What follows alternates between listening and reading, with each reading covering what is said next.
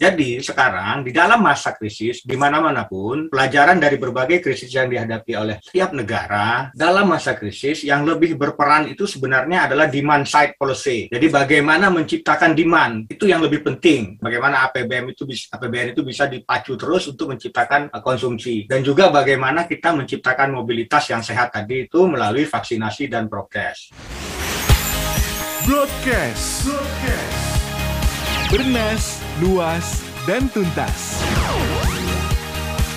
Powered by Business Indonesia. Tahun 2021 menjadi harapan baru untuk pemulihan ekonomi Indonesia. Terlebih dengan hadirnya vaksin COVID-19, pemerintah berharap pertumbuhan ekonomi 2021 bisa mendekati zona netral Tren yang baik ini diharapkan berdampak positif kepada sektor finansial maupun sektor real. Otoritas Jasa Keuangan atau OJK memprediksi kredit perbankan, dana pihak ketiga, dan penghimpunan dana di pasar modal tahun ini akan tumbuh solid. Untuk menjawab bagaimana kondisi jasa keuangan saat ini, serta proyeksinya dalam menghadapi pandemi, Bisnis Indonesia menggelar Mid-Year Economic Outlook 2021 dengan tema Prospek Ekonomi Indonesia Pasca Stimulus dan Vaksinasi. Dalam diskusi kali ini, menghadirkan narasumber Agus E. Siregar, Deputi Komisioner Stabilitas Sistem Keuangan, Otoritas Jasa Keuangan, Yahya Setiatmaja, Presiden Direktur PT Bank Sentral Asia Tbk, dan Amam Sukrianto, Direktur Bisnis Kecil dan Menengah PT Bank Rakyat Indonesia Persero Tbk. Diskusi ini dipimpin oleh moderator jurnalis senior bisnis Indonesia, Henry T. Asworo. Selamat pagi Sobat Bisnis sekalian, salam sehat. Saat ini Anda masih bergabung dalam virtual event Bisnis Indonesia Mid-Year Outlook 2021. Prospek ekonomi Indonesia pasca stimulus dan vaksinasi. Dan kali ini kita memasuki sesi diskusi panel. Saya Hendria Suworo akan memandu jalannya diskusi kali ini pertumbuhan ekonomi kita mengalami perbaikan meskipun masih ada kontraksi. Jadi mencatatkan kontraksi di kuartal uh, pertama itu 0,74 persen, pun ketik uh, proyeksi di kuartal kedua ini nanti akan membaik di 7 persen. Uh, dengan demikian uh, kredit pun mengalami pertumbuhan uh, minus yang mulai mulai mengecil dibandingkan dengan kuartal sebelumnya atau tahun lalu. Nah, secara tahunan, secara penuh tahun ini diproyeksikan akan menjadi 7 persen. Namun karena ada apa namanya ada pengetatan PPKM darurat, pertumbuhan kredit itu hanya akan menjadi eh, 6%, tapi mencatatkan positif dibandingkan tahun lalu yang minus 2%. Ada beberapa yang disampaikan di keynote tadi yang cukup menarik yang juga bisa menjadi bahan diskusi yang kita bisa pertajam dengan narasumber yang dari regulasi masih ada dengan Pak Agus dan ada dari uh, pelaku industri itu ada Pak Yahya dan Pak Amam nanti akan cukup menarik tentunya untuk menjadi bahan diskusi pada uh, siang hari ini. Uh, baik, untuk mempersingkat waktu, saya akan mempersilahkan Pak Agus untuk menyampaikan presentasinya. Uh, untuk pertama, silakan Pak Agus. Assalamualaikum warahmatullahi wabarakatuh. Uh, yang kami hormati Bapak Ibu Santoso, Pak Dewan Komisioner OJK, editor kami Pak Andar Simurangkit, uh, Menko Perekonomian, pimpinan bisnis Indonesia, para panelis, hadirin dan uh, peserta webinar yang ya selamat pagi dan salam sejahtera buat kita semua. Uh, Bapak Ibu sekalian, uh, izinkan kami mencoba mengelaborasi apa yang sudah disampaikan oleh Pak Wim tadi mengenai tantangan dan stabilitas ekonomi dan keuangan di saat ini dan ke depan serta uh, respon kebijakan yang akan diambil untuk jaga stabilitas sistem keuangan dan uh, perkembangan industri perbankan ke depan. Bapak Ibu sekalian, uh, sebagaimana tadi sudah dijelaskan, uh, pandemi yang kita hadapi sekarang ini adalah uh, kemungkinan besar adalah uh, sekali dalam seumur hidup. Di sini ada beberapa uh, data mengenai apa-apa sih pandemi yang pernah dialami dunia uh, sebelum ini seperti uh, Spanish flu dan dan lain-lain dan secara umum uh, pandemi akan berakibat terhadap uh, kontraksinya uh, perekonomian global. Kalau kita lihat di di grafik kanan itu uh, kontraksi perekonomian uh, terjadi cukup cukup dalam. Nah, di sini secara uh, detail bisa kita lihat bahwa uh, pengetatan atau stringency index di berbagai negara sebagai akibat pandemi itu mempengaruhi mobilitas dan pengaruh terhadap mobilitas itu akan menurunkan uh, pertumbuhan ekonomi global khususnya di emerging countries. Akhir-akhir ini kalau kita lihat mobility di di negara maju di advance ekonomi itu sudah mulai membaik. Lihat kotaknya sudah mulai biru yang di uh, tabel tengah itu, tabel tengah atas sudah mulai biru, namun di emerging market masih uh, merah dan orange. Hal ini juga tercermin kalau kita lihat dari uh, proyeksi pertumbuhan ekonomi ke depan uh, di advance ekonomi di akhir 2021 sudah diproyeksikan uh, membaik, demikian juga di emerging market. Namun tadi uh, sebagaimana disebutkan uh, uh, oleh uh, para keynote speakers, uh, ini sangat-sangat tergantung terhadap uh, perkembangan penanganan uh, uh, pandemi COVID itu sendiri ke depannya. Kita juga kalau kita lihat sejarahnya dari beberapa uh, kontraksi uh, perekonomian baik karena financial crisis maupun sekarang karena pandemi dan kita perhatikan respon-respon yang diambil oleh Eh, setiap negara kalau di tahun 98 itu pada saat krisis keuangan kita melakukan uh, penguatan governance dan manajemen risiko lembaga keuangan. Kemudian di 2000, krisis di 2002, 2008 dan 2009 kita meningkatkan uh, penguatan pasar keuangan dan juga membentuk uh, komite stabilitas sistem keuangan. Nah, pada saat sekarang di 2020 ini secara umum kebijakannya yang diambil adalah uh, lebih berbeda daripada sebelum-sebelumnya. Uh, akan ada langkah-langkah extraordinary sebagaimana disebutkan tadi bahwa kita sudah mengeluarkan Perpu yang sudah disahkan menjadi Undang-Undang Nomor 2 dan yang paling uh, fenomena yang paling menarik adalah uh, di dalam uh, pandemi ini baik dunia usaha maupun sektor jasa keuangan sama-sama mengakselerasi, mengakselerasi proses digitalisasinya. Karena melihat bahwa ini adalah satu salah satu ruang yang mau tidak mau suka tidak suka akan menjadi uh, pola hidup ke depannya. Dan di tahun ini di tahun 2021 ini semua uh, lembaga tadi sudah disebutkan memproyeksi uh, pertumbuhan ekonomi global ke depan diperkirakan akan membaik. Namun demikian, perbaikan itu tidak lepas dari berbagai tantangan. Tadi sudah sudah disampaikan oleh Pak Wimbo mengenai uh, view OJK mengenai tantangan-tantangan ke depan, baik dari sisi penanganan pandemi, perkembangan ekonomi global maupun perkembangan ekonomi domestiknya sendiri. Termasuk uh, ada beberapa isu mengenai uh, climate risk dan uh, kemajuan teknologi ke depannya.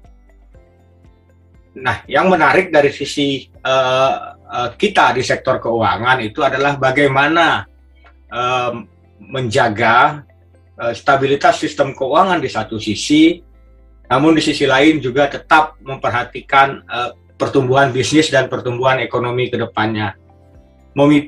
Memanage kedua isu ini uh, gambarnya sih gampang gitu, tapi pelaksanaannya tentu akan akan sangat kompleks dan uh, memerlukan uh, uh, pemahaman yang lebih uh, dalam terhadap situasi yang ada dan ke, uh, koordinasi kebijakan yang lebih baik. Kami coba uh, mengelaborasi satu persatu tantangan-tantangan tersebut, uh, Bapak Ibu sekalian yang kami hormati. Uh, secara global, perkembangan pandemi penanganan pandemi global itu mengalami divergensi Begitupun pemulihan ekonominya. Jadi kalau kita lihat misalnya di India itu eh, kasus barunya sudah mulai menurun, mobilitasnya sudah naik. Malaysia sempat turun, sekarang naik lagi kembali. Indonesia kasus barunya naik dan dengan kenaikan kasus baru itu dengan PPKM darurat mobilitasnya nanti pasti akan turun di uh, periode PPKM darurat itu. Singapura kasus barunya melandai dan sudah mulai meningkat uh, mobilitasnya. Demikian juga vaksinasinya secara global itu kalau kita lihat angka-angka uh, jumlah uh, penduduk yang divaksin baik dosis pertama maupun dosis kedua itu juga mengalami, divergensi yang cukup besar bedanya antara negara-negara maju dan negara-negara berkembang.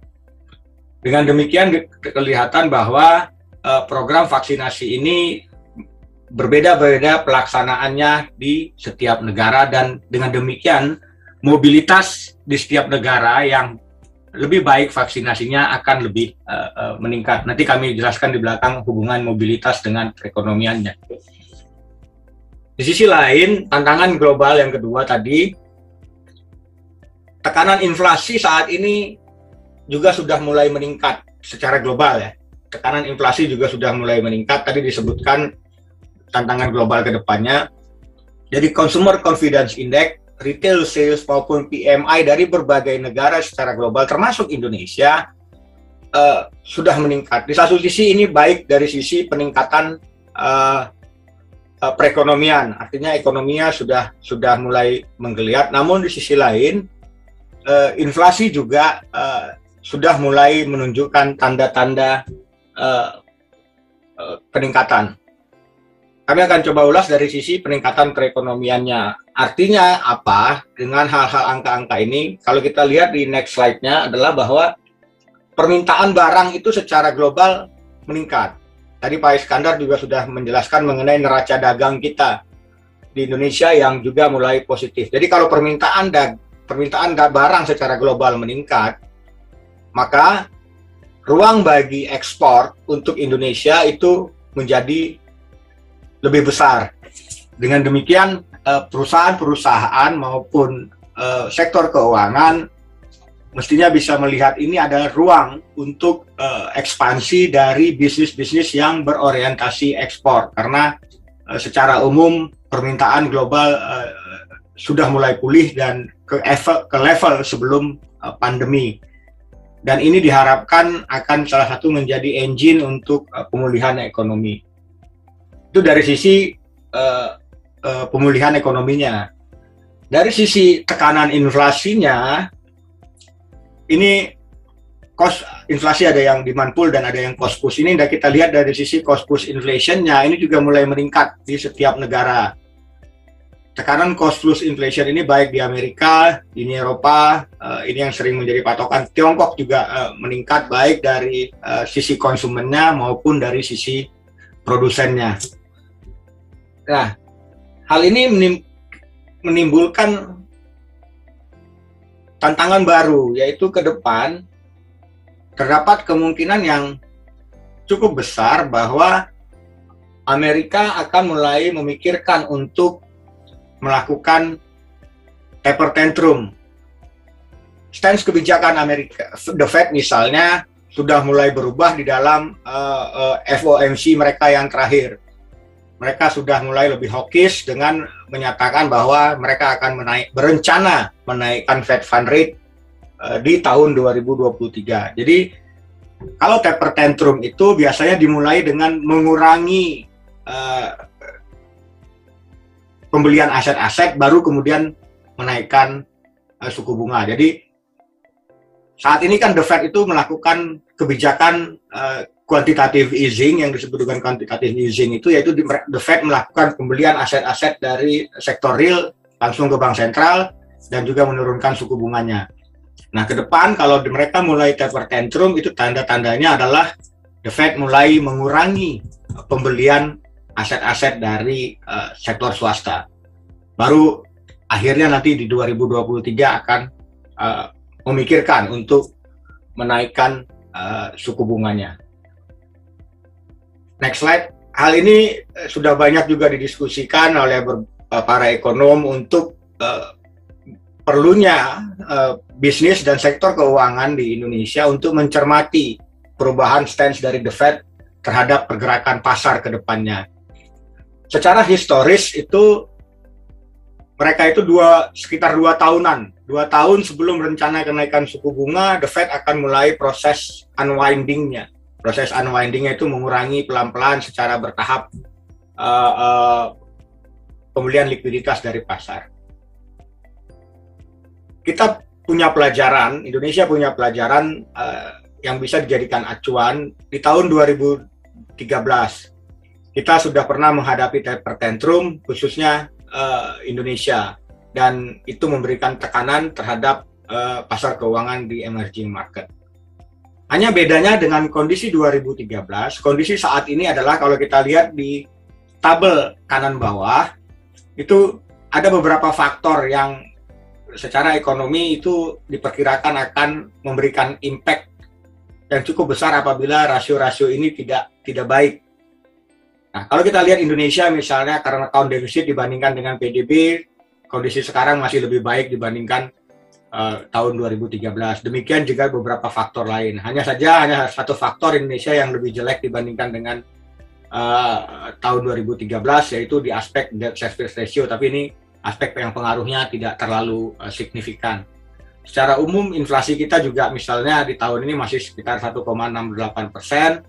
Sementara dulu di tahun 2013 inflasi kita sampai 8 persen pada saat taper tantrum di 2013 kondisinya berbeda, tetapi sehingga dengan kondisi yang berbeda itu uh, mudah-mudahan uh, impact dari taper tantrum apabila dilakukan oleh the Fed uh, tidak terlalu berdampak signifikan ke Indonesia, namun tetap harus dicermati. Bapak Ibu sekalian, tadi sudah banyak di, disampaikan, dipaparkan mengenai pentingnya pengendalian pandemi untuk menjaga mobilitas. Nah, mobilitas itu harus mobilitas yang sehat sehingga mobilitas yang tidak menimbulkan peningkatan kasus itu itu harus menjadi target tadi sudah dijelaskan bahwa untuk menciptakan itu maka pemerintah uh, akan mempercepat proses vaksinasi dan menegakkan uh, protokol kesehatan. Karena kita punya datanya, Bapak di grafik kanan ini kita punya datanya bahwa uh, mobilitas dan uh, penduduk itu hubungannya korelasinya dengan PDB itu cukup tinggi. Kita bisa melihat angka R square-nya itu sekitar 0,43. Buat yang mempelajari uh, matematik dan statistik, R square 0,43 itu menunjukkan adanya korelasi yang yang tinggi ataupun cukup tinggi. Sehingga uh, hal ini juga sudah terlihat di selama uh, pandemi ini sudah terbukti selama pandemi ini mobilitas itu pengaruhnya terhadap PDB juga uh, cukup signifikan. Sehingga program vaksinasi dan uh, penegakan prokes itu sangat-sangat penting dan jangan uh, dan tidak hanya merupakan jargon. Next. Nah, apa yang sudah dilakukan ini saya kira tadi sudah sudah disampaikan oleh Pak Ketua. Berbagai kebijakan sudah dilakukan baik tadi uh, Pak Ketua Wimbo menjelaskan apa yang disebut dengan uh, survival period di tahun 2020. Kira-kira intinya adalah kita di OJK memberikan kemudahan bagi SJK berusaha meredam volatilitas di pasar keuangan, memberikan ruang gerak bagi sektor real dan uh, menjaga stabilitas dan optimalisasi peran SJK. Berbagai kebijakan uh, sudah dikeluarkan di, di tahun 2020. Di tahun 2021 kebijakan ini juga terus di, di, dilanjutkan termasuk perpanjangan restrukturisasi kredit dan uh, ditambah dengan uh, relaksasi uh, berbagai ketentuan uh, ATMR yang diharapkan dapat uh, membantu perbankan dari supply side policy-nya untuk dapat menjaga uh, penyaluran kreditnya ke berbagai sektor antara lain uh, rumah tinggal dan kendaraan bermotor sebagaimana disebutkan uh, Pak Iskandar tadi. Dengan berbagai kebijakan tersebut, uh, tadi juga sudah disebutkan, secara umum sektor keuangan di Indonesia cukup stabil dan terjaga. Selain itu, faktor penting lainnya dari upaya-upaya selama ini sebenarnya secara umum permodalan dan likuid itu akan terpengaruh akan dipengaruhi oleh uh, faktor mobilitas tadi. Sampai dengan sekarang pertumbuhan kredit tadi juga sudah dijelaskan secara konsisten menunjukkan perbaikan, namun permintaannya masih uh, terpantau melemah. Kalau kita lihat di periode Mei misalnya, kredit barunya itu tumbuh kok, tumbuh 6,2 persen. Namun perusahaan masih juga sebagian perusahaan atau korporasi itu juga melunasi eh, baki debit yang ada. Sehingga secara overall masih pertumbuhannya masih negatif karena lebih banyak yang melunasi dan uh, daripada yang uh, penyaluran kredit baru. Di sisi lain juga angka undisbursed loan juga masih cukup tinggi, terutama yang committed juga uh, masih cukup tinggi. Hal ini mencerminkan apa? Mencerminkan bahwa uh, debitur-debitur masih wait and see terkait dengan perkembangan uh, permintaan dan mobilitas masyarakat.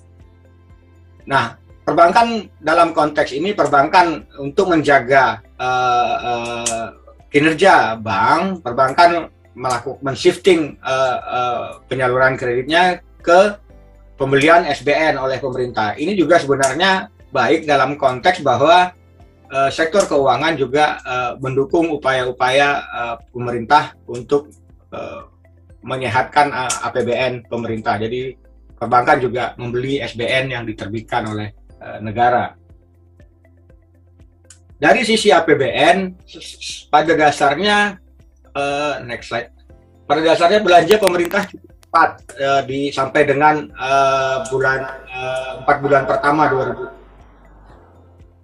terutama pemerintah. Namun pemerintah daerah perlu ditingkatkan lagi untuk belanja. Pemerintah daerah. Kami sudah melakukan kira-kira efek tunda dari berbagai kebijakan belanja pemerintah itu terhadap kredit itu seperti apa sih? Jadi secara umum bahwa kalau pemerintah meningkatkan belanjanya, maka yang pertama akan terpengaruh itu adalah konsumsi. Nah, setelah konsumsi itu stabil dan meningkat, sektor dunia usaha selanjutnya baru akan melakukan investasi karena yakin bahwa demand-nya sudah stabil dan meningkat. Nah, pada saat uh, sektor swasta sudah uh, melakukan investasi, pada saat itulah uh, sektor swasta tersebut akan meminta kredit kepada uh, perbankan. Jadi uh, sampai uh, kuartal. Ini harus kita pahami bersama. Tamertanya uh, APBN itu langsung berpengaruh terhadap uh, pertumbuhan uh, kredit. Next. Uh, waktu presentasi dua menit lagi ya Pak? Ya, ya bisa Pak. Dari sisi harga, uh, suku bunga perbankan juga da dalam dalam tren yang yang menurun, uh, baik suku bunga puap dan maupun ke suku bunga kredit. Suku bunga kredit juga kalau kita lihat di, di next slide-nya juga sudah mulai menurun, bahkan uh, suku bunga kredit uh, perbankan itu sudah hampir sama dengan uh, bond yang uh, diisut oleh uh, bisnis yang triple B. Jadi secara umum perbankan itu sudah tidak mahal lagi uh, suku bunga kreditnya. Langsung ke slide risiko kredit, uh, Mbak Asti. Ke next slide, risiko kredit juga masih terkendali. Tadi Pak Ketua sudah menyebutkan bahwa kredit restro juga terus menurun. Dan yang menggembirakan, perbankan juga sudah uh, mulai membentuk CKPN, mulai uh, mengakumulasi CKPN-nya sehingga hal ini baik untuk mencegah uh, uh, turbulensi apabila ada uh, debitur-debitur yang direstru tadi yang mengalami bermasalah bermasalah ke depannya. Saya kira uh, demikian uh, Pak Moderator, uh, mohon maaf apabila terlalu panjang, kemudian bisa menjelaskan elaborasi apa yang disampaikan Pak Kimbo. Kami kembalikan ke Pak. Assalamualaikum warahmatullahi wabarakatuh. Waalaikumsalam warahmatullahi wabarakatuh. Uh, terima kasih Pak Agus, uh, pemaparannya cukup uh, menarik dari Pak Agus dari dampak ekonomi global ketika udah mulai di luar negeri sudah mulai ada pemulihan, sementara kita sendiri masih berjibaku dengan uh, wabah COVID ini. Artinya uh, dari Pak Agus juga disampaikan tadi kalau kita sudah melewati survival period gitu, dan sekarang kita sebenarnya uh, tinggal untuk uh, bertumbuh gitu. Tapi uh, saya ingin mendalami ke Pak Agus uh, apa namanya ketika kita sudah mulai bertumbuh tapi kita kan di apa ada tiba-tiba lagi kurva COVID-nya naik lagi gitu. Nah dengan kondisi seperti ini kira-kira dari regulator apakah perlu gitu uh, kan tahun lalu kan uh, tahun ini sudah diperpanjang relaksasinya. Nah kalau dampaknya ini semakin uh, mungkin panjang ya berharapnya tentu tidak dengan adanya ppkm darurat tapi antisipasi terburuk, apakah OJK sudah mempertimbangkan ada semacam relaksasi lanjutan gitu, uh, Pak Agus? Jadi langsung tanya jawab sekarang, Uh, pendalaman dulu, Pak. Oh, iya. Oh. Saya kira itu nanti nah, kita kan lagi memperhatikan speknya dulu Pak. Kita lihat spek dari PPKM darurat ini dan progres pelaksanaan vaksinasi. Tadi tadi sudah disampaikan bahwa ini necessary condition. Jadi kita lihat dulu condition itu seperti apa ke depannya. Kan ditargetkan mana ya? Ditargetkan vaksinasi itu di Agustus itu bisa uh, hari. Kita kita lihat uh, sampai dengan akhir tahun. Oh, ketentuan yang itu masih berlaku sampai dengan Maret 2000 Maret tahun depan. Jadi masih masih cukup waktu untuk mempelajari perkembangan Sekian, Pak. Oke. Baik, Pak Agus. Uh, artinya berarti uh, eh, OJK masih melihat masih ada ruang ya, Pak ya, melihat perkembangan kasus sama juga uh, timeline untuk relaksasi masih sampai 2022 ya kalau saya menangkap ya, Pak. Uh, baik, terima kasih uh, Pak Agus. Nanti kita akan perdalam lagi, tentu juga akan melibatkan audiens uh, yang ikut diskusi pada siang hari ini. Uh, selanjutnya kita mencoba meminta pendapat dari pelaku industri uh, bagaimana dengan setahun lebih pandemi ini dan relaksasi yang telah diberikan UJK dan juga dengan program vaksinasi yang sudah berjalan gitu. Kita akan uh, mempertanyakan, akan bertanya kepada pelaku industri ini ada Pak Mam Sukrianto, Direktur Bisnis Kecil dan Menengah BRI.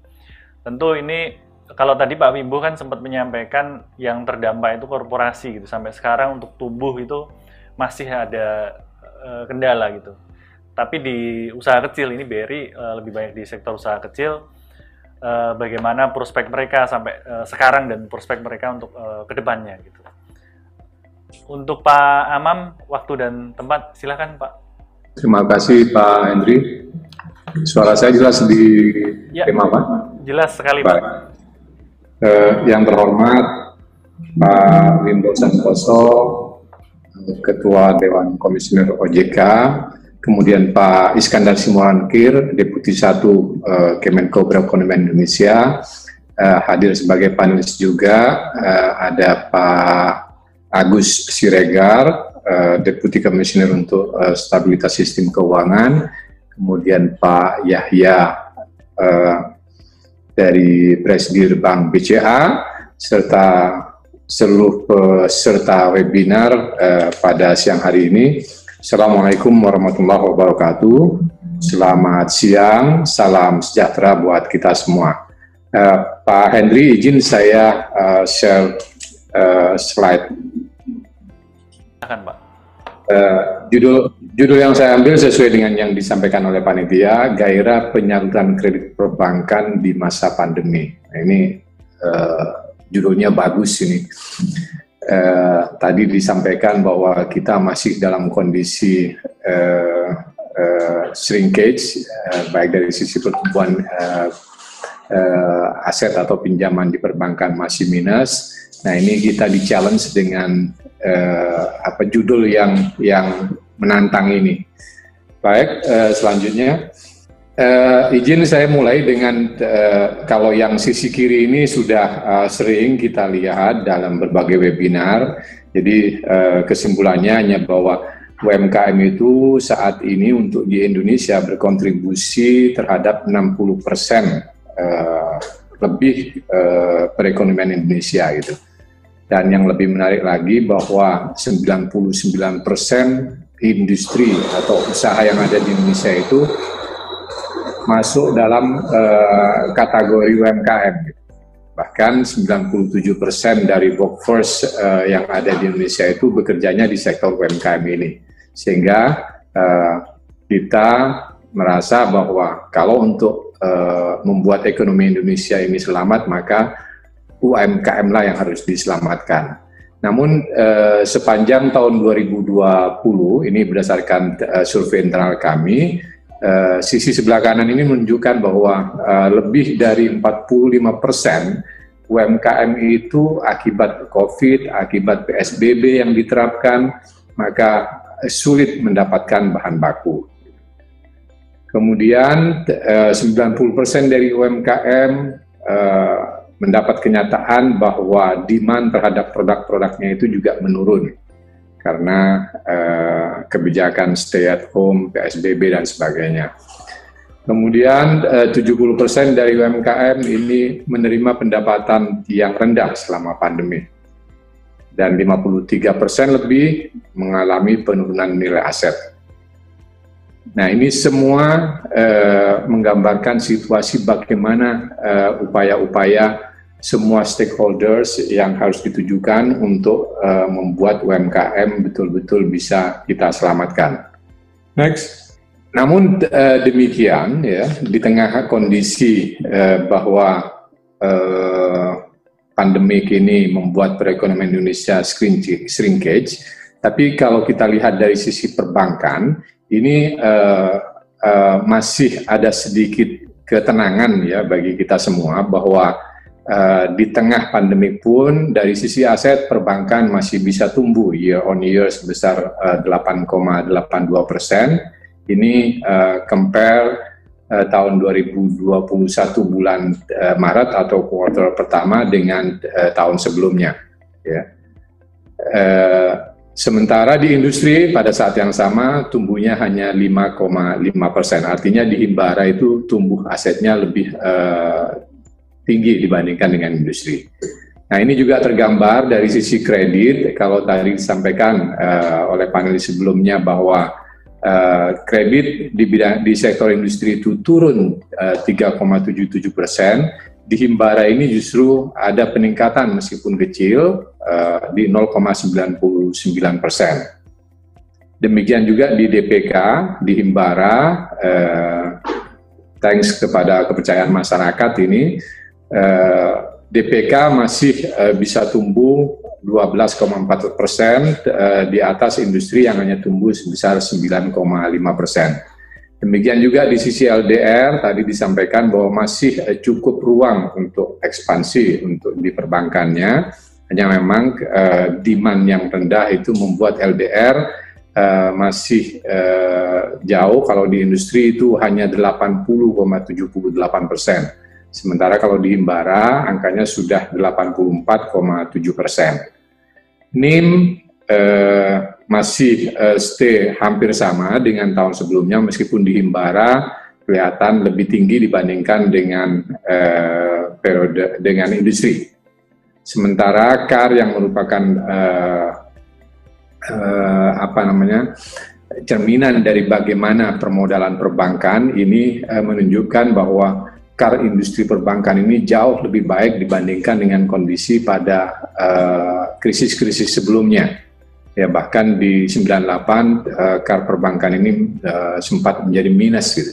Nah kalau di tahun 2021 ini car uh, perbankan itu masih cukup tinggi 24,04 persen. Ya di Himbara uh, memang 18,62 persen sedikit uh, di bawah car uh, industri. Tapi ini karena memang banknya bank yang uh, besar-besar, maka 18,62 persen ini uh, dari sisi kuantiti juga sangatlah besar. Data per Mei ya Pak ini Pak? Uh, kalau untuk ini Q1 Pak. Q1, oh iya Q1. Q1. Ya. Itu uh, untuk Himbara compare to industri, kemudian BRI sendiri bagaimana compare dengan industri? Uh, next slide. Nah, kita lihat uh, di loan growth uh, kalau di BRI itu uh, sampai dengan Maret itu masih tumbuh 1,4 persen ya, compared to Himbara tadi 0,99 itu dari BRI menyumbang 1,4 persen. Kemudian uh, dari sisi NIM, NPL, uh, kemudian LDR NIM dan NPL lebih baik dari industri, LDR juga lebih baik, artinya lebih banyak disalurkan.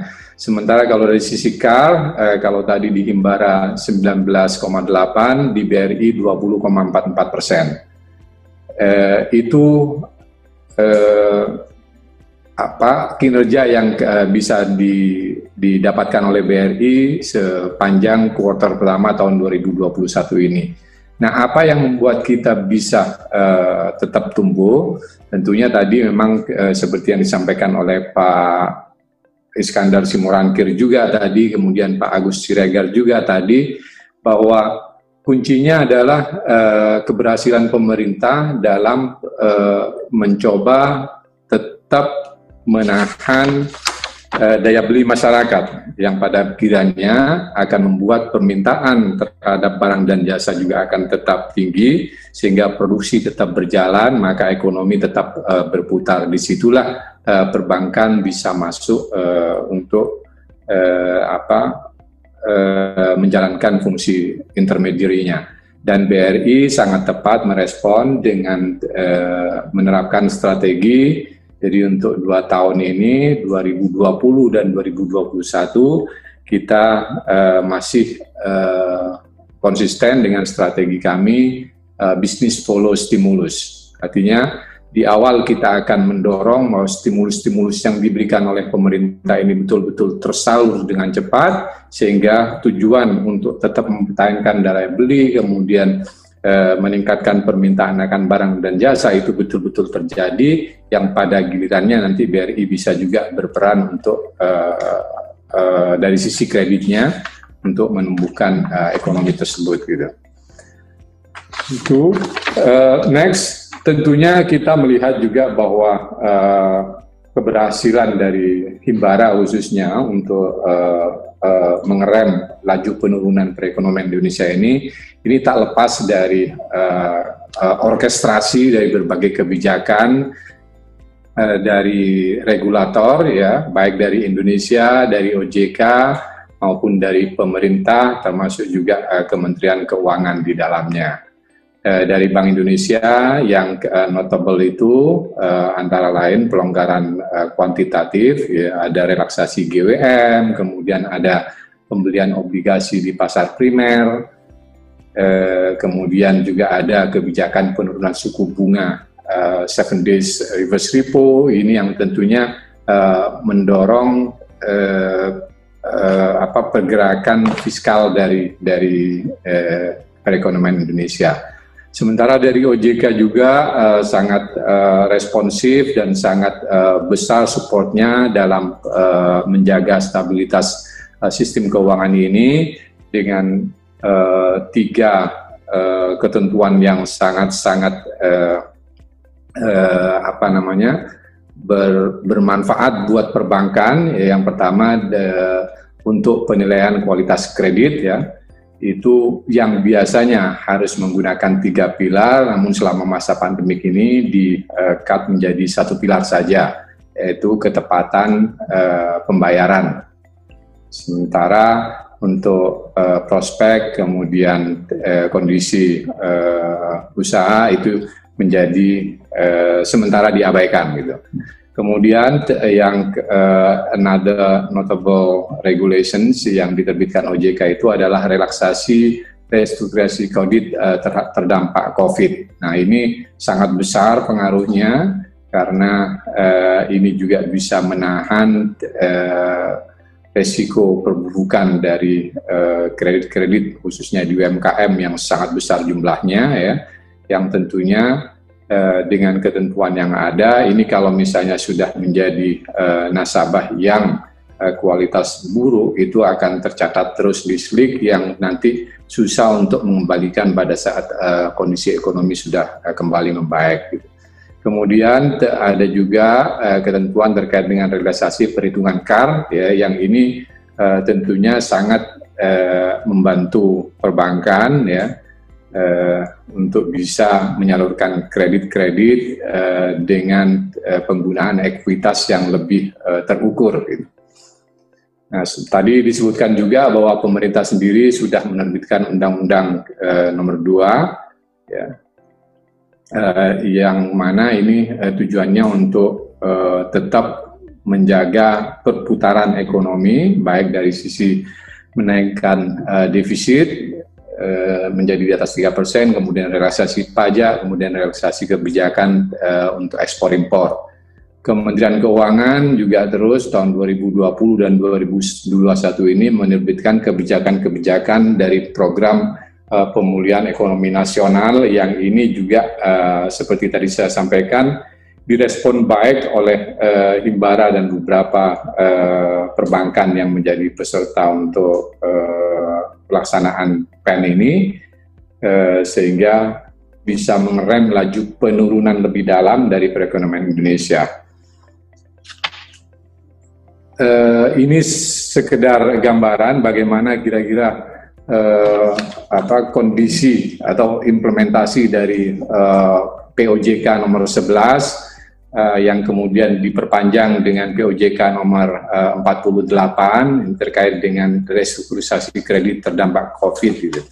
Nah, kita bisa lihat di sini bahwa uh, di internal BRI uh, restrukturisasi itu uh, masif dilakukan mulai dari Maret, April, dan Mei sampai dengan Juni tahun lalu, ya Kemudian setelah itu uh, grafiknya relatif melandai. Ya, puncaknya terjadi di bulan Oktober, uh, bulan September, mohon maaf, itu 22,4 persen dari uh, outstanding yang di yang ada di BRI itu harus kita lakukan restrukturisasi. Gitu. Nah tadi uh, disampaikan bahwa kondisinya semakin membaik sehingga uh, dari sisi uh, percentage restrukturisasi ini sudah mulai uh, ada perbaikan, sudah menurun uh, dari posisi uh, 193 di puncaknya sekarang uh, tinggal 190,6 triliun dan ini posisinya di bulan uh, Juni sudah jauh uh, lebih menurun lagi.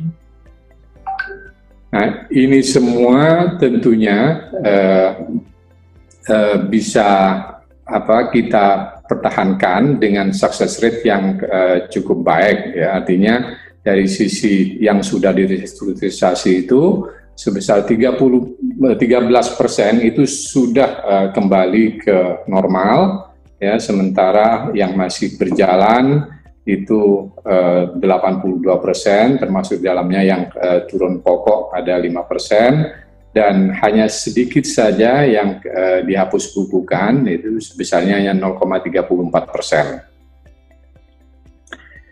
Itu, nah uh, apa yang membuat eh, BRI yakin bahwa uh, perekonomian khususnya pembiayaan uh, kepada usaha UMKM ini tetap bisa uh, kita laksanakan dengan baik. Jadi uh, sejak akhir tahun kemarin Eh, BRI itu uh, memiliki atau sudah mempublish adanya BRI Micro and SME Index. Nah, ini merupakan uh, indeks-indeks untuk bagaimana aktivitas bisnis, kemudian bagaimana ekspektasi aktivitas bisnis, kemudian bagaimana sentimen bisnis, dan bagaimana juga kepercayaan pelaku UMKM terhadap pemerintah. Nah, kalau dilihat di sini uh, dari empat uh, indeks ini menunjukkan bahwa dari tahun dari uh, triwulan ke triwulan ini menunjukkan perbaikan yang signifikan gitu. Bahkan di kuartal pertama tahun 2021 itu untuk uh, indeks aktivitas bisnis, artinya ini yang memang sudah real terjadi, itu meningkat dari 81,5 menjadi 93 persen. Artinya apa? Uh, dari 100 uh, eh, orang yang disurvei, 93 menyatakan bahwa uh, ekonomi sudah mulai menunjukkan adanya perbaikan aktivitas bisnis sudah mulai membaik gitu. Sementara kalau dilihat dari ekspektasinya ini jauh lebih tinggi lagi, artinya para pengusaha sendiri sudah sangat optimis bahwa uh, di kuartal berikutnya itu uh, pertumbuhan ekonomi akan lebih baik lagi. Gitu.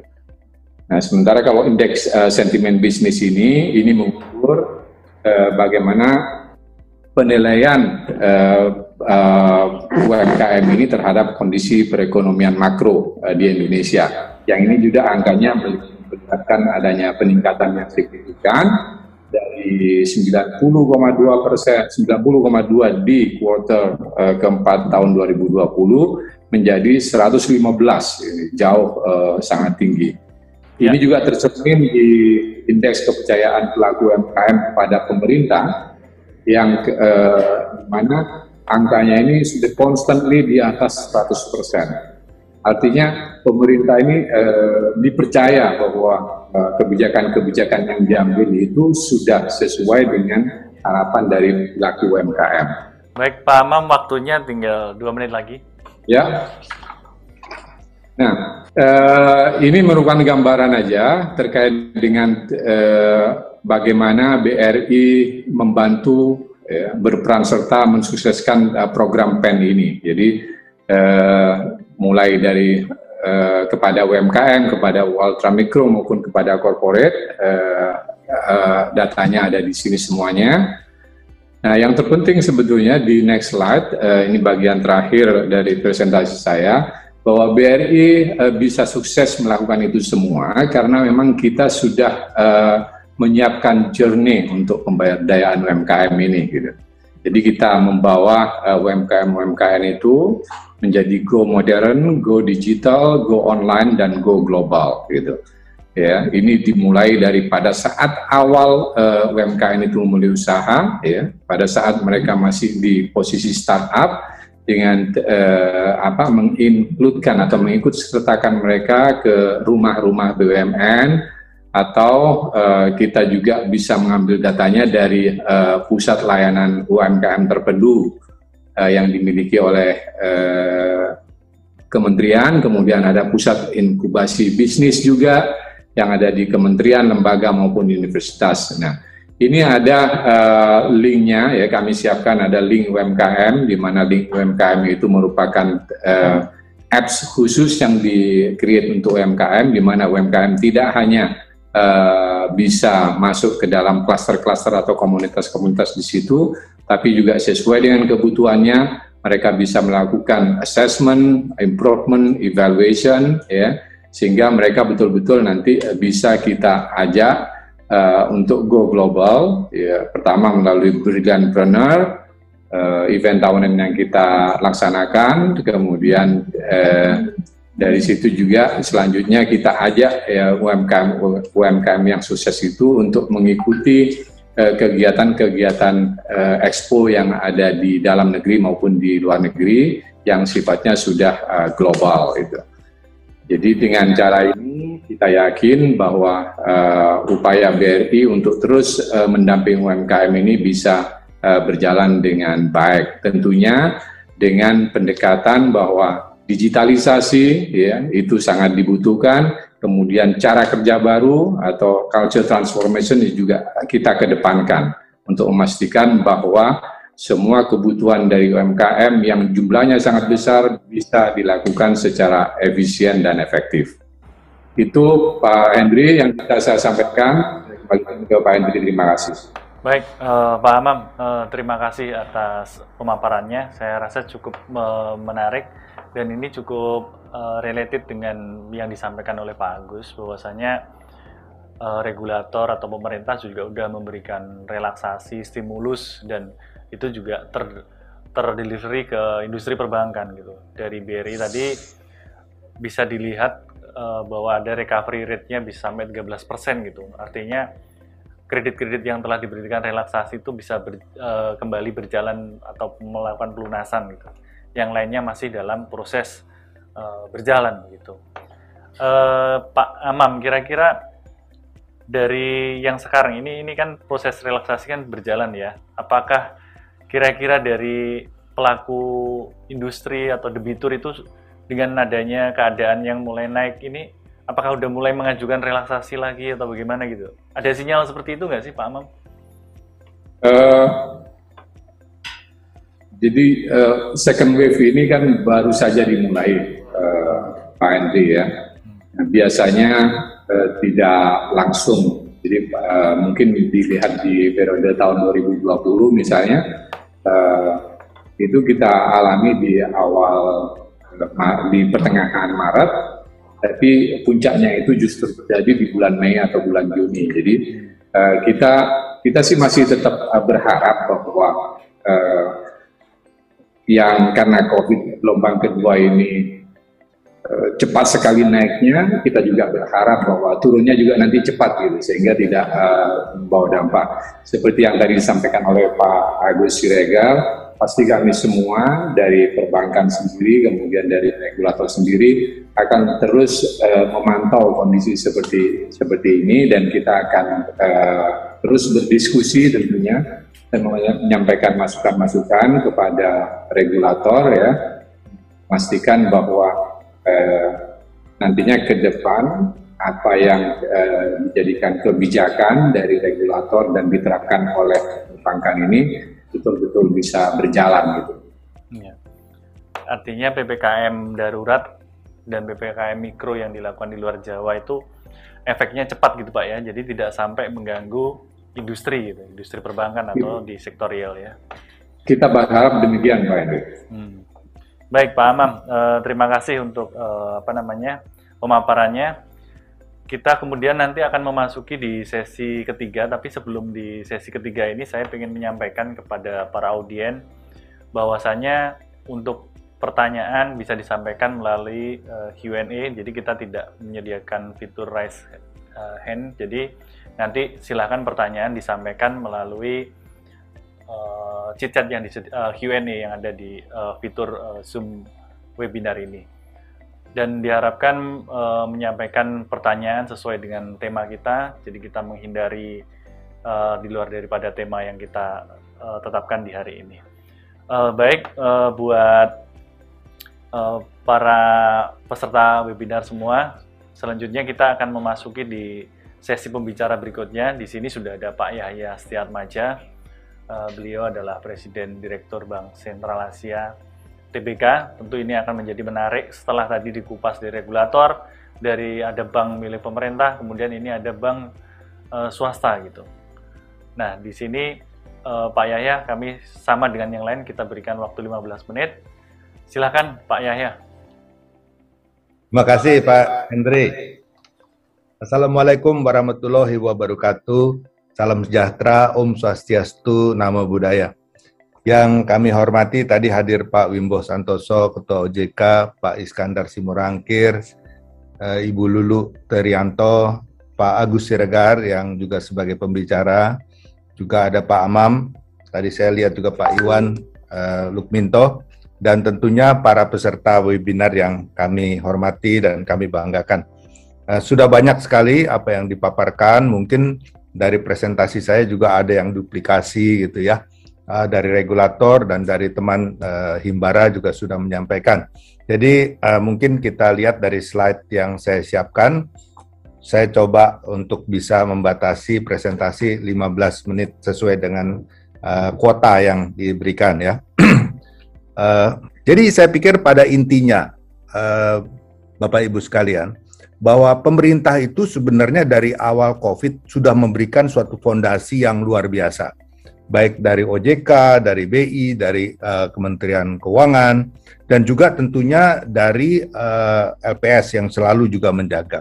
Dan kalau kita lihat dana pen yang digelontorkan, apakah itu dalam bentuk untuk mendukung sembako dan lain-lain yang tadi sudah disampaikan saya kira ya, itu sangat merupakan fondasi sehingga kenapa likuiditas keuangan itu sangat besar di pasar. Nah, namun di segi lain kita juga melihat bahwa pada awalnya misalnya kita memperkirakan uh, bahwa LAR itu bisa mencapai 28 persen, 30 persen pada awal dari COVID ini. Ternyata data yang tadi sudah disampaikan dari regulator sampai dengan bulan Mei hanya 14 persen. Nah, itu apa artinya? Di satu segi, itu adalah sesuatu hal yang lebih baik. Artinya, loan at risk, nasabah-nasabah yang bermasalah, yang minta restrukturisasi, itu jauh lebih sedikit daripada yang semula kita perkirakan. Nah, artinya apa? Bahwa mereka itu tetap bisa melakukan cicilan yang normal ataupun yang di restructure ya. Artinya ada pengembalian dana. Nah, ini tadi yang sudah disinggung juga oleh Pak Agus Siregar, benar sekali Pak, bahwa memang kalau kita lihat kredit baru itu sudah mulai kita gelontorkan. Mungkin di slide kedua ini ya bisa kita uh, lihat grafik dari Pak. Nah, ini untuk mendukung angka-angka tadi Pak, bahwa sebenarnya ya tentunya angka ini disclaimer karena belum memasukkan pengaruh PPKM darurat. Ya karena ini dibuat mungkin sampai dengan sekitar uh, akhir Jun yang lalu di mana kita belum merasakan PPKM. Nah, kalau di sini kita ambil indeks transaksi bisnis itu adalah angka di BCA yang menggambarkan penarikan dan uh, setoran dana masyarakat yang berkaitan dengan bisnis. Nah, kalau kita lihat grafiknya ini kelihatan sekali. Pada waktu Maret 20 itu adalah titik yang terendah yaitu pada saat uh, awal Covid itu ya. Kemudian berangsur mulai naik, ada sedikit uh, gejolak di bulan Agustus, namun kembali dan secara tren lain kalau kita lihat itu meningkat sekali ya. Uh, Mei ada sedikit penurunan, tetapi uh, di bulan Juni kita lihat itu pada titik yang mungkin uh, trennya adalah naik, belum memasukkan ppkm. Ini adalah dari seluruh perputaran bisnis. Nah, yang menarik di sini kita lihat dari Google Map kita mencoba teman-teman uh, dari uh, ekonom kami mencoba men-track dari data Google Map aktivitas mobilisasi masyarakat itu ada di mana. Nah, di yang tren merah ini menggambarkan di retail dan rekreasi, ya termasuk yang pergi ke mall, termasuk yang pada waktu uh, kita lihat ini kan sedikit-sedikit ini mulai dibuka ya. Nah, sehingga kita melihat bahwa di crowd itu muncul di situ. Kemudian aktivitas perkantoran yang biru. Nah, ini kan uh, di bawah, jauh di bawah daripada yang merah tadi ya. Kemudian transportasi umum juga relatif uh, masih flat ya. Nah, Tetapi kalau dilihat secara keseluruhan, industri uh, payment sistemnya itu meningkat. Artinya apa? Bahwa di bisnis itu sendiri meningkat. Nah, cuman memang perlu kita ambil satu catatan bahwa bisa jadi peningkatan ini terjadi melalui online bisnis tanpa ada mobilitas daripada masing-masing individu. Yang ada adalah mobilitas daripada transportasi mungkin. Ya, Cuman kan Google Map tidak bisa membedakan pengemudi Gojek atau bukan gitu ya. Nah, jadi yang jelas yang biasanya orang itu keluar rumah uh, berbondong-bondong ke tempat-tempat bisnis, tempat usaha dan lain-lain, tempat kerjaan, ini tertahan. Yang terjadi adalah ini semua bergeser kepada uh, bisnis online ya. Next uh, slide kalau kita lihat. Nah, di sini juga kita bisa melihat ya, di paling kiri import barang konsumsi. Nah, terjadi suatu grafik yang merah itu kenaikan cukup besar. Sedangkan indeks penjualan retail dalam arti ini penjualan retail lokal ya, e, relatif naik namun masih jauh dibandingkan masuknya barang konsumsi tadi. Kemudian penjualan motor masih turun, penjualan mobil sebenarnya pada sesudah uh, di, dilakukan ketentuan uh, pengurangan biaya PPN dan beberapa berbagai uh, fasilitas yang diberikan pemerintah, sebenarnya kelihatan sekali itu menanjak. Tetapi apakah itu semata hanya karena unsur itu? Apakah aktivitas di balik itu yang harus kita juga bisa teliti? Nah, di sini uh, kita lihat barang konsumsi itu meningkatnya tinggi. Nah, ini kemungkinan besar adalah mixture antara import barang-barang yang dijual melalui online bukan salahnya si online karena mereka itu hanya sebagai platform menjual menjual menjual barang-barang yang dipersiapkan oleh para merchant. Merchant itu bisa uh, jutaan merchant ya. Mereka itu yang menyediakan itu. Tetapi kalau kita lihat kebanyakan merchant-merchant di online itu merchant yang mau gampang. Yaitu mereka ambil barang dari luar negeri, import, lalu mereka jual di uh, retail. Nah, inilah salah satu saya pikir yang sudah dirintis saya kira dari teman BRI juga Pak Amam dan juga mungkin dari BCA sendiri kita berusaha untuk bagaimana mendidik para UMKMers kita ini untuk bisa melek untuk lebih digital ya. Mungkin kalau data dari data ya mungkin sekitar baru 23 persen UMKMers kita itu yang bisa memplacement onboarding barang-barangnya pada e-commerce yang ada saat ini. Nah, ini sudah bagus karena kalau kita lihat bahwa ini adalah kunci untuk para pengusaha itu keluar dari lingkaran setan mobilitas yang terhambat. Kalau mereka hanya uh, menunggu di toko, toko pun mungkin nggak boleh buka sembarangan kan, ada jamnya. Dan orang uh, segan keluar rumah. Lah, bagaimana mereka mau jualan? Satu-satunya jalan adalah dengan onboarding produk-produk mereka. Nah, onboarding produk-produk mereka itu pun harus ada suatu edukasi. Dalam arti mereka itu harus mempersiapkan produk-produk lokal yang bermutu, kualitas bagus, tidak bisa sekarang bagus, besok produksinya menurun kualitas. Nah, ini harus pasti. Kemudian waktu mereka onboarding di e-commerce, bagaimana penamp penampilan dari produknya, menarik nggak? Sama-sama jualan produk A, yang satu bisa sangat menarik packagingnya misalnya, atau waktu dia ambil foto dari sudut-sudut yang menarik, yang lain hanya pasang aja di rak di foto begitu. Nah itu beda hasilnya. Ya, apalagi kalau nanti nasabah sudah membeli, pembeli konsumen sudah membeli barang itu after sale service-nya bagaimana? Kemudian timing mereka mempersiapkan. Kalau ada pesanan barang, apakah mereka ready untuk memenuhi janji ya dalam satu hari, dua hari, tiga hari delivery itu sampai kepada tangan konsumen. Nah, hal-hal ini kecil tetapi itu adalah yang kita coba ya pada saat kita melakukan UMKM Fest itu ada 18.000 uh, pedagang UMKMers, nasabah UMKMers kita yang kita coba karena kita yakin produk mereka udah bagus ya. Lalu kita coba mereka untuk placement ke dalam e-commerce ya. Kita bantu mereka ke sana dan memang itu sangat membantu sekali. Bahkan pada saat itu ada beberapa e-commerce dengan bantuan Departemen Perdagangan dan Luar Negeri itu bisa kita bundling ataupun kita pertemukan dengan importer luar negeri ada beberapa puluh uh, nasabah akhirnya bisa menjual barangnya untuk ekspor gitu. Karena kita menyediakan juga sarana. Jadi ada hal penting di sini bahwa digital itu tidak semata digital only. Hybrid. Ke depan adalah hybrid ekonomi di mana tidak hanya secara konvensional yang lalu tetapi juga tidak mungkin 100% digital, nggak ada nggak bisa boleh dikata. Payment mungkin lebih bisa ya, kalau payment uh, fully digitalized bisa. Tetapi kalau bisnis itu impossible uh, fully digitalized. Saya ambil contoh lain yang menarik. Kita amazing dengan kenaikan KKB atau kredit kendaraan bermotor. Nah, saya punya cerita karena tadi banyak presentasi ya, saya lebih baik cerita ya supaya ini adalah fakta dan pengalaman apa yang kita alami. Pada saat sebelum COVID, BCA itu dengan melalui BCA Finance tentunya uh, bisa mendapatkan kredit baru untuk KKB satu bulan bisa 2 triliun per bulan. Pada saat COVID, saya ingat sekali, bulan April 2020 turun hanya 90 miliar. Bulan kedua naik 180 miliar, jadi 400 miliar. Akhirnya bertahan hanya sekitar 800 miliar.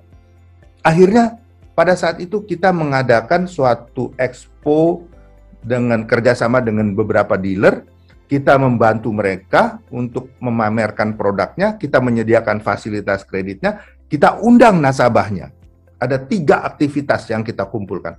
Pertama adalah para dealer yang kita kumpulkan, nasabahnya juga kita uh, carikan, kemudian interestnya kita berikan yang termurah. Apalagi waktu dapat dukungan pemerintah, di mana ada uh, penurunan tarif PPN dan PPNBM waktu itu ya. Itu sangat membantu sekali. Tetapi kalau hanya dibiarkan saja tanpa penawaran virtual, sehingga nah, ini sekarang balik lagi pada waktu bul sesudah uh, kita turun sampai 800-an miliar, saat ini sudah mencapai sekitar 2 triliun. Ya mudah-mudahan PPKM darurat ini tidak mengganggu, saya belum mendapatkan hasilnya. Tetapi yang terakhir itu kita bisa balik semula menjadi 2 uh, triliun per bulan ya artinya sudah kembali kepada uh, bisnis semula. Nah, tentunya kita harapkan ke depan meningkat.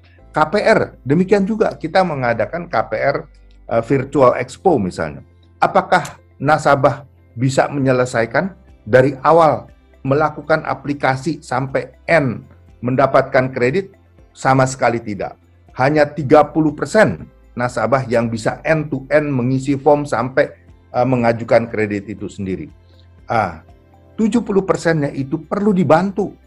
Staf perbankan kita, CSO kita, RO kita, kepala cabang, semua unsur-unsur selalu mensupport nasabah ini, mendampingi mereka dalam proses ini. Tidak bisa serta-merta hanya dilepaskan, oh digital, selesai. Nggak ada, hasilnya akan sangat minim sekali. Jadi tetap hybrid uh, antara real uh, apa namanya keterlibatan manusianya, karyawannya dengan digitalnya itu sangat penting sekali ya. Jadi saya pikir ini adalah proses yang memang akan bisa lebih cepat memulihkan ekonomi. Bayangkan kalau perbankan tidak disiapkan dengan digital payment. Bagaimana keadaan seperti ini? Orang berbondong-bondong nyimpen uh, uang tunai, bagaimana? Waduh, kita nggak terbayangkan. Bagaimana mereka harus mendapatkan beli barang ya kalau harus di lockdown di rumah gitu kan?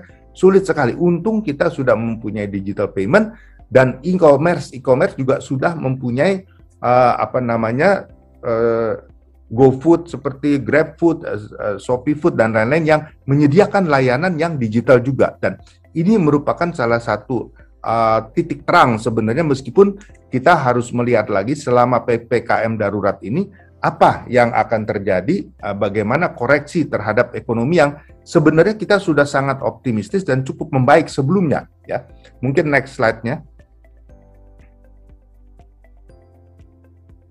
Ya, kita harapkan, ini yang kita harapkan bahwa eh, PPKM darurat kali ini tidak seperti yang dulu ya. Kalau tahun 20 itu koreksinya sangat dalam. Kita harapkan bahwa kali ini akan uh, suatu mild correction tetapi tentunya kita belum tahu karena kita belum tahu berapa lama PPKM darurat ini. Sementara sampai tanggal akhir uh, tanggal 20 Juli kalau saya tidak salah ya. Apakah bisa langsung dibuka, mulai dibuka lagi kembali normal tentunya dilihat hasil daripada analisa selama keadaan ini apakah kurban-kurban COVID itu bisa dikontrol atau enggak. Ini sangat dilematis bagi kita semua. Next slide. Waktu tiga menit lagi Pak ya. Ya Pak. Jadi saya pikir eh, ini juga kalau kita lihat ya, bahwa dari berbagai sektor pertanian ada diversifikasi uh, persentase yang berbeda-beda. Tentu bahan slide ini bisa dibagikan kepada Anda-Anda semua, jadi saya tidak perlu membacakan satu persatu. Tetapi kita lihat di sini bahwa variasi kepada bisnis-bisnis yang uh, export oriented, transportasi, logistik itu masih bisa well survive. Tetapi yang tidak itu mengalami penurunan cukup banyak. Next. Ya. Ini optimisme kita terutama sebelum PPKM darurat. Kita menganggap bahwa kredit itu sudah memasuki bottomnya ke depan adalah inkrementalnya. Nah, cuman ya ini harus ditambah uh, catatan, kita harus lihat dulu bagaimana dampak dari PPKM darurat ini. Mudah-mudahan tidak seberat pada waktu awal uh, terjadinya COVID, karena orang sebenarnya sudah mulai terbiasa. Tetapi ya tetap saja kita belum bisa mengambil suatu kesimpulan pada saat ini. Next. Kalau secara aset quality, saya pikir perbankan Indonesia ini masih terjaga dengan baik baik bank buku 1, 2, 3, 4 itu semuanya uh, masih cukup aman lah boleh dikata. Pencadangan CKPN tadi juga sudah disampaikan bahwa sudah dibentuk dengan sangat cukup untuk mengatasi hal-hal yang terburuk sekalipun. Next. Nah, tetapi memang secara umum saya juga ambil setuju sekali yang Pak Agus Siregar katakan bahwa seperti kredit investasi, cicilan rumah, mobil, itu kan tiap bulan ada pengembalian uang sehingga kredit baru itu harus lebih tinggi dari pengembalian itu. Kalau enggak itu seperti hamster jalan di tempat ya. Jadi kalau kita lihat delta daripada kredit mortgage, kredit investasi itu uh, meskipun positif tetapi lambat karena apa? Adanya pengembalian lagi. Dan usage juga secara pengamatan kami mengamati waktu sebelum Covid penggunaan kredit modal kerja itu rata 70%. Saat ini hanya sekitar 60 65%. Ini pun berarti ada negatif 5% dari existing customer kita yang tidak lagi butuh modal kerja. Bahkan mereka menggunakan banyak modal pribadi. Uh, next slide, coba.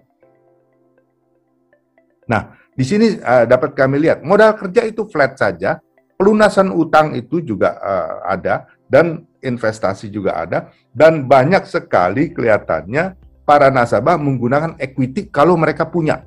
Ya, jadi kalau ada kesempatan nambah sedikit bisnis mereka tombokin equity-nya. Belum mau ambil pinjaman karena namanya pinjaman tetap harus bayar bunga meskipun bunga itu rendah. Uh, next slide. Nah inilah mungkin karena waktu juga saya juga nggak mau promosi produk BCA uh, eh, contoh bahwa digitalisasi ini sangat mendukung uh, sistematik uh, daripada keuangan juga karena kita nggak terbayang kalau saat ini kita semua belum mempunyai uh, digital payment system. Terima kasih untuk BI juga yang sudah menyiapkan QR RIS ya dan itu merupakan salah satu yang kita pakai di samping tentunya uh, e-wallet dan uh, beberapa aplikasi digital yang juga kita uh, persiapkan. Next. Dan tentunya platform ekosistem ya. Ini tidak lepas bank yang baik adalah bank yang bisa merangkul ekosistem. Dulu awal mula timbulnya uh, fintech fintech kita menganggap wah ini sebagai musuh buat perbankan, tapi kenyataan justru mereka itu friendly. Justru kita masih bisa bekerja sama dengan mereka sumber dana uh, keuangan itu tetap di perbankan sehingga mereka pun tidak bisa berbisnis bisnis tanpa bank bahkan sekarang mereka banyak mencari bank-bank untuk dijadikan bank digital untuk komplementari daripada bisnis. Mereka itu menyatakan bahwa uh, fintech itu tidak bisa hidup sendiri, tetap memerlukan bank. Saya pikir uh, hal itu aja yang dapat saya sampaikan mengingat waktu. Mungkin kalau ada yang mau ditanyakan nanti silahkan bisa ditanyakan. Sekian, terima kasih. Assalamualaikum warahmatullahi wabarakatuh. Waalaikumsalam warahmatullahi wabarakatuh. Uh, terima kasih Pak Yahya. Uh, saya cukup uh, Pak Yahya ini uh, cukup optimistis uh, berbeda dengan dibandingkan dengan waktu tahun lalu kita mengadakan webinar ketika kita lagi uh, COVID gelombang pertama lagi parah-parahnya, banyak restru. Tapi yang sekarang ini meskipun ada PPKM darurat, sepertinya masih uh, cukup optimistis gitu Pak ya. Ya Pak, uh, Udah belajar tadi, dari yang lalu. iya, uh, ini Pak Yahya, tadi uh, beberapa poin yang disampaikan Pak Yahya itu kan lebih ke consumer ya. Tadi kayak multi finance, uh, KPR gitu uh, apakah di sektor corporate uh, atau sektor lain gitu. Itu kan yang tadi yang dideketin BCA ya sampai diadakan hmm. workshop dan yang lainnya. Apakah di sektor lainnya juga uh, belum dilirik atau bagaimana pak? Misalnya oh, enggak, corporate pak. komersial. Saya pikir ya untuk yang ekspor oriented itu masih bagus prospeknya. Terutama juga mungkin seperti perkebunan ada beberapa pertambangan ya itu cukup uh, banyak kebutuhan di situ, transportasi, logistik, itu juga bisnis-bisnis yang harus kita lihat karena bagaimanapun uh, digitalisasi tidak meng, tidak bisa menghindarkan logistiknya. Itu tetap fakta yang harus disiapkan ya. Pergudangan dan lain-lain itu tetap merupakan unsur pendukung untuk bisnis ke depan. Jadi saya kira masih cukup banyak bisnis lain tetapi tentunya tidak sebanding dengan existing seperti manufacturing yang di mana-mana kan itu uh, basicnya manufacturing. Nah ini masih lesu di mana-mana. Itu itu kira-kira begitu Pak Henry. Oke. Okay. Uh, eh, apa namanya? Kalau yang sektor yang masih uh, tanda merah atau yang masih di uh, lampu kuning bagi bank apa Pak? Wah, kalau bagi kita mungkin nggak melihat sektornya ya. Kita harus melihat satu persatu nasabahnya juga ya dan jelas misalnya sekarang seperti sektor perhotelan, kemudian rekreasi, turisme itu pasti lesu ya. Untuk kredit baru pasti susah Pak ya. Tetapi untuk yang ada kan kita harus jaga mereka. Kalau kita melihat ke depan, kalau COVID ini udah berlalu, apakah mereka akan mati? Apakah enggak? Kita harapkan mereka akan still survive dan mereka akan back to normal business. Dan itu bagus kalau kita lihat ya eh, industri perhotelan, daerah wisata, itu kan hal-hal yang baik dan positif ke depan. Jadi kita tidak bisa, uh, wah tarik semua fasilitas daripada mereka yang ada kan nggak bisa. Jiwanya ada untuk mensupport. Tetapi kalau ada yang sekarang mau bikin hotel baru misalnya ya kan kita mikir-mikir juga kan. Kira-kira begitu Pak. Ya, yang existing Pak ya. Dan kalau iya. udah ada recovery dari apa namanya COVID udah membalik, pasti industri perhotelan pariwisata yang akan booming cepat ya Pak. Ya, kita harapkan gitu. Uh, baik, uh, para panelis semua, sebenarnya kita udah masuk pada sesi uh, terakhir ini closing. Uh, tapi uh, ada semacam apa namanya, ada semacam titipan juga uh, sambil dibuat closing ya Pak, Pak uh, bapak-bapak semua. Nanti di Pak Agus tuh uh, tadi juga Pak Yahya kan sempat menyinggung mengenai ekonomi uh, apa namanya digital ekosistem gitu. Artinya uh, digital aja nggak bisa bergerak tanpa kita memberikan stimulus dan sekarang ini kan juga isu digital, bank digital juga lagi rame. Mungkin saya juga pengen uh, respon dari Pak Agus, apakah apa namanya bank digital itu Nih sekarang kan uh, OJK juga mau mengeluarkan katanya bulan ini, apakah juga uh, ini nanti akan uh, memberikan manfaat di kala pandemi seperti ini gitu? Uh, mungkin nanti uh, sekaligus direspon sekaligus closing statement dari Pak Agus, Pak Amam dan Pak Yahya. Masing-masing uh, dua menit untuk uh, closing dari Pak uh, Agus dulu, silakan Pak. Terima kasih Pak Bapak Ibu sekalian. Jadi begini, secara secara ekonomi kebijakan itu kan kita bagi dua ya. Supply side policy itu misalnya kebijakan sisi penawaran misalnya suku bunga ataupun kebijakan stimulus atau relaksasi dari OJK. Itu terus dilakukan. Nah, kebijakan yang lainnya kalau kita pecah dua adalah kebijakan sisi penawaran, demand side policy. Itu misalnya adalah uh, eh, APBN dari uh, disbursement pemerintah dan juga tadi yang disebutkan bagaimana kita bisa menciptakan mobilitas yang sehat gitu. atau atau tidak usah mobilitas baru kita masuk ke digitalisasi seperti diterangkan Pak Arya. Jadi sekarang di dalam masa krisis di mana-mana pun pelajaran dari berbagai krisis yang dihadapi oleh setiap negara dalam masa krisis yang lebih berperan itu sebenarnya adalah demand side policy jadi bagaimana menciptakan demand itu yang lebih penting. Jadi bagaimana APBN tadi Pak, Pak Amam juga sudah menjelaskan bagaimana APBN itu bisa APBN itu bisa dipacu terus untuk menciptakan uh, konsumsi dan juga bagaimana kita menciptakan mobilitas yang sehat tadi itu melalui vaksinasi dan prokes. Sedangkan kebijakan-kebijakan di sisi stimulus di sisi uh, supply seperti penurunan suku bunga Bank Indonesia ataupun relaksasi kebijakan OJK itu sifatnya hanya menahan, menahan sementara, menahan sementara sehingga menunggu demandnya kembali lagi. Jadi gitu, uh, Bapak Ibu sekalian, supaya bisa kita melihat stimulus itu gimana sih melihatnya baik dari sisi demand side-nya maupun dari sisi supply side-nya. Sehingga ke depan memang diharapkan kebijakan ini bisa ter terkolaborasi antara mendorong demand yang lebih diutamakan uh, pada saat ini. Bapak Ibu sekalian mengenai bank digital, OJK tentu mendorong uh, dari sejak Pak Wimbo menyampaikan MPSJKI pada saat PTIJK awal tahun kemarin, OJK mendorong terus kebijakan digitalisasi, salah satunya melalui bank digital. Dan ini sudah dibicarakan secara uh, ekstensif dengan perbankan. Pak Yahya itu sudah sudah bersiap-siap. ya, Pak Yahya sudah bersiap-siap. Uh, semuanya sudah uh, in place, uh, Pak Moderator dan Pak hadirin sekalian. Ya, ini kita nggak bisa ngelak cepat atau lambat lebih bagus lebih cepat lebih cepat lebih baik gitu kita masuk ke era digitalisasi ini karena uh, semua semua orang akan akan membutuhkan layanan digitalisasi ada atau tidak ada pandemi tetap akan diperlukan uh, layanan layanan perbankan digital itu saya kira demikian dari saya sebagai closing statement sekali lagi terima kasih atas kesempatannya Mohon maaf atas segala kekurangan. Assalamualaikum warahmatullahi wabarakatuh. Waalaikumsalam warahmatullahi wabarakatuh. Terima kasih Pak Gus. Uh, berikutnya Pak Amam, silakan.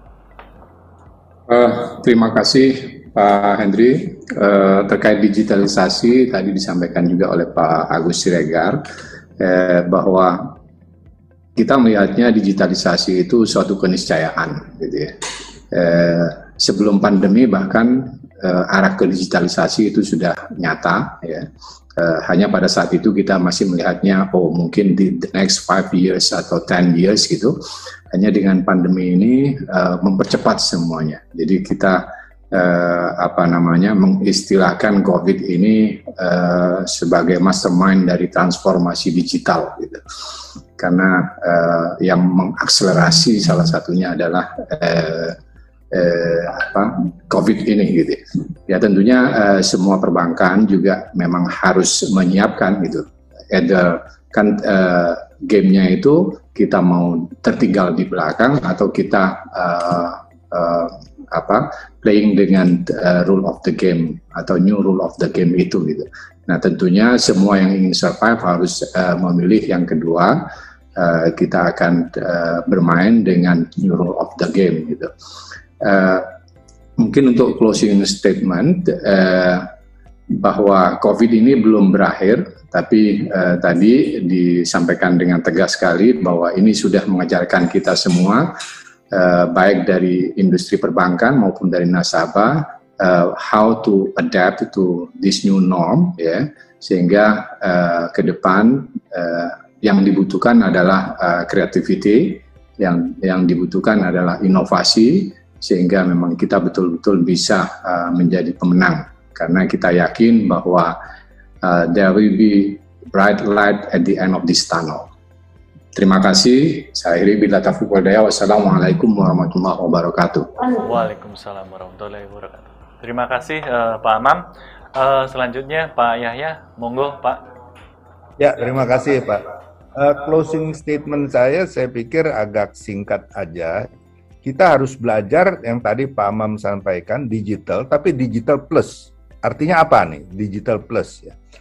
Ada payment digital, ada platform-platform digital, semua serba digital. Nah, kita harus ada willingness untuk mencoba. Sesudah mencoba, apa hanya selesai di situ? Enggak. Itu adalah alat sehingga kita bisa mendalami apa yang tersedia, lalu kita coba aplikasikan kepada apakah bisnis Anda, usaha Anda, apa yang bisa Anda uh, leapfrog menjadi digital. Itu manfaatnya, kita mengetahui digital uh, satu digital itu sendiri kita pakai bagus. Kedua itu bisa menjadi pencerahan kreativitas kita berkembang untuk menerapkan dalam usaha bisnis kita masing-masing. Bahkan dalam kehidupan sehari-hari kita masing-masing. Jadi digital plus yang saya katakan, bukan hanya bisa mengoperate tetapi mengimplementasikannya itu dalam bisnis kita masing-masing. Saya kira itu uh, closing statement saya. Terima kasih. Oke, uh, terima kasih Pak Yahya uh, cukup menarik dari pemaparan semua pemateri pada pagi sampai siang hari ini. Artinya dari uh, saya, melihat uh, atau sedikit menyimpulkan dari uh, apa namanya narasumber dan juga uh, key, apa keynote speaker uh, sebelumnya bahwasannya ada masih ada optimisme ketika uh, diberlakukan PPKM darurat. Dari sisi uh, pertumbuhan ekonomi di kuartal kedua masih uh, dipandang masih akan mencapai 7% pun dengan pertumbuhan kredit tahun ini pun dipandang masih akan positif di 6 plus minus satu persen. Apa artinya dari uh, para para pelaku para pelaku industri pun melihat bahwa uh, masih ada cahaya di di, di antara lorong-lorong pandemi ini gitu. Karena uh, sudah pernah melewati sebelumnya dan sudah ada uh, apa namanya ekosistem baru digital yang bisa dimanfaatkan untuk uh, menyalurkan kredit. Uh, baik uh, sobat bisnis dengan berakhirnya uh, pemaparan dan juga closing statement dari uh, para panelis, diskusi panel sesi pertama tentang stabilitas sektor keuangan, mempercepat pemulihan ekonomi nasional uh, berakhir. Saya mengucapkan terima kasih uh, kepada para panelis. Mohon maaf bila ada salah kata dan uh, ada kesalahan-kesalahan teknis lainnya. Terima kasih, selamat siang dan selalu jaga kesehatan. Terima kasih, uh, Bapak-Bapak.